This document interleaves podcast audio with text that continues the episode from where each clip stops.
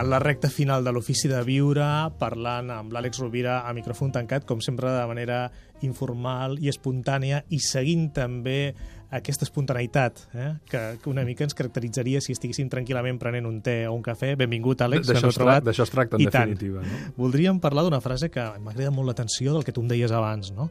que molta frustració en les nostres vides sorgeix de la fabricació mental que hem fet de l'altre. Sí, la fabricació mental de l'altre. Quan parlem de les expectatives i de la frustració, sovint no és amb la realitat, és amb la realitat que hem anticipat i que hem construït mentalment.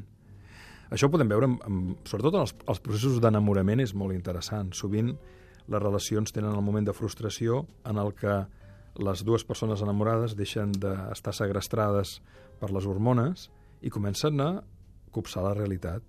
I aleshores el príncep, el príncep blau que havien pintat, o la princesa del color que sigui, um, no és allò que esperaves. Molts dels problemes de les relacions humanes no venen d'una un, qüestió. Jo crec que és una pregunta que ens hauríem de fer sovint, no?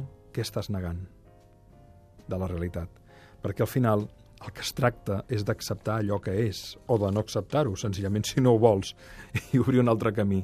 Però sovint el malestar, la frustració, les acusacions, no neixen d'allò que és, sinó d'allò que tu volies que fos i no és, i que ha nascut en un mecanisme inconscient de creació de l'altre. I en la mesura en què l'altre no encaixa en aquella expectativa que tu t'havies fet, aleshores l'altre el, el definim com que és dolent, com que sense cap mena de dubte i, evidentment, eh, hi ha fets reals que et fan dir que aquella persona és tòxica o no et convé.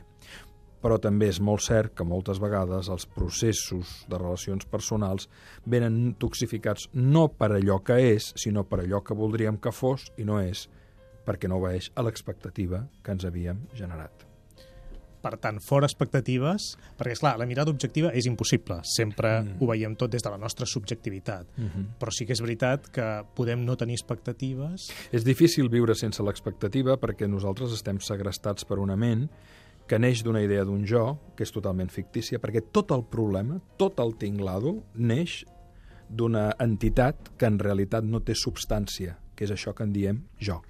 Ara, clar, dir això és molt gros, però en realitat, en realitat allò que diem jo no és més que un constructe d'idees, un jo-idea, psíquic, una entitat que al final s'apodera del ser, de l'experiència, i que va generant no només un jo-idea, un tu-idea, una realitat-idea, un Déu-idea, una política-idea, un tot-idea. I en la mesura que la idea és frustrant, projectem un jo ideal, un tu ideal, un Déu ideal, un món ideal.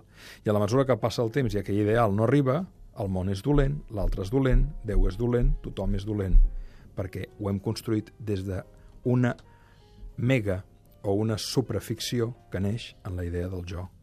A la mesura en què eh, ens despullem d'aquesta entitat que ens té segrestats, vivim en allò que és, en allò que en diem la realitat.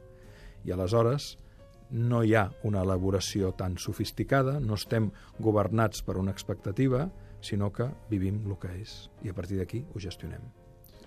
Per tant, qualsevol treball personal hauria de començar precisament a punxar, desdibuixant... A punxar globus. Exacte. Despunxar globets. La idea d'individualitat. Sí, eh, i de... que és, que és, Exacte. Sí, aquesta idea d'individualitat que, que, sobre la qual es sustenta tota la nostra societat. Exacte. I jugant amb les paraules, hauríem de dir que hauríem de passar de viure en una certesa inconscient, tots volem certeses i les volem tenir incorporades, passar d'una certesa inconscient a aprendre a viure en una incertesa conscient. Només hem de bellugar el prefix.